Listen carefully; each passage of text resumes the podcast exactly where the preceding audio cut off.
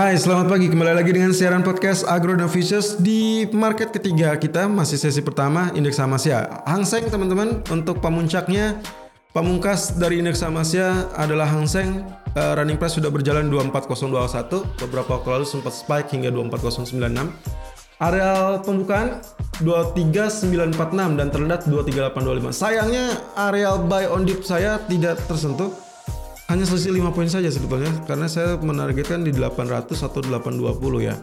Uh, well, oke. Okay. Uh, alasannya hampir mirip dengan apa yang sempat tadi saya sampaikan baik di Nikkei ataupun uh, Kospi.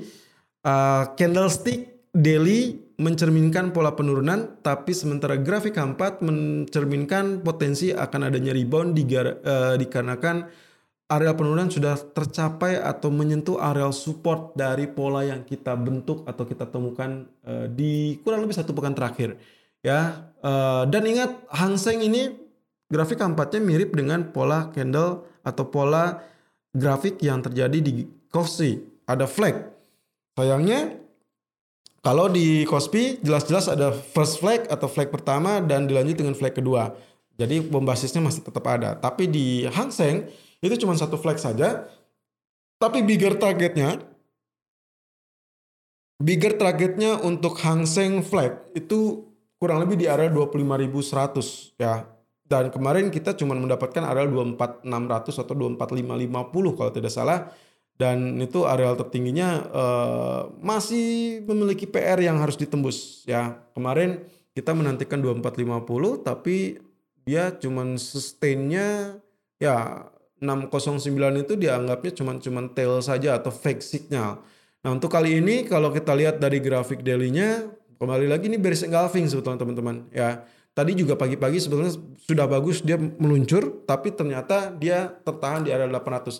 Ada apa sih di, di area 800? Detailnya silakan simak di channel YouTube kami Agronovation Official. Itu adalah area 50% yang berhimpitan dengan historical price dan seperti biasa saya selalu mengingatkan kepada Anda semua saat saat saat dua atau lebih uh, titik atau area atau level atau apa pun disebutnya berada dalam atau berhimpitan dalam satu area maka area tersebut kita asumsikan sebagai area kuat ya. Dan kali ini 50% tersebut berada di bawah running price dan juga berhimpitan dengan historical price yang akhirnya menjadi area support kuat. Sehingga saya memberikan remark di situ dalam dalam uh, grafik yang saya share. Kalau ditembus area ini maka uh, downtrend atau bearish akan kembali. Tapi kalau masih berada di atas area 50% ini, maka bullish masih akan tetap berlanjut. Dan 50% tersebut berada di area 23869. Sementara area terendah sampai 825. So, 825 kali ini saya asumsikan itu hanya berupa fake signal atau tail. Jadi kalau kemungkinan potensinya dia ditutup di atas area ini, Anda silakan follow buy saja ya.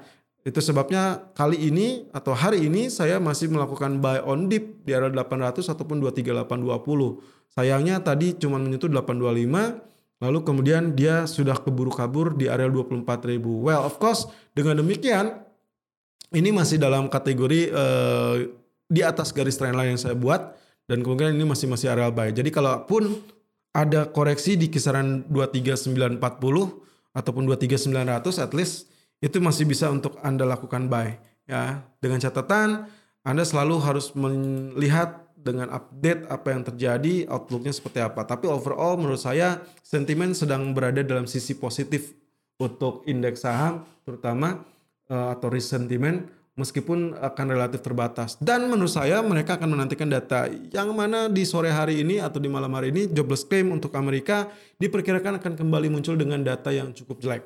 Kurang lebih seperti itu. Tapi untuk sesi Asia kurang lebih harapan untuk mengalami kebangkitan itu masih akan. Selalu gunakan stop loss dan risk management sesuai dengan equity dan strategi trading Anda.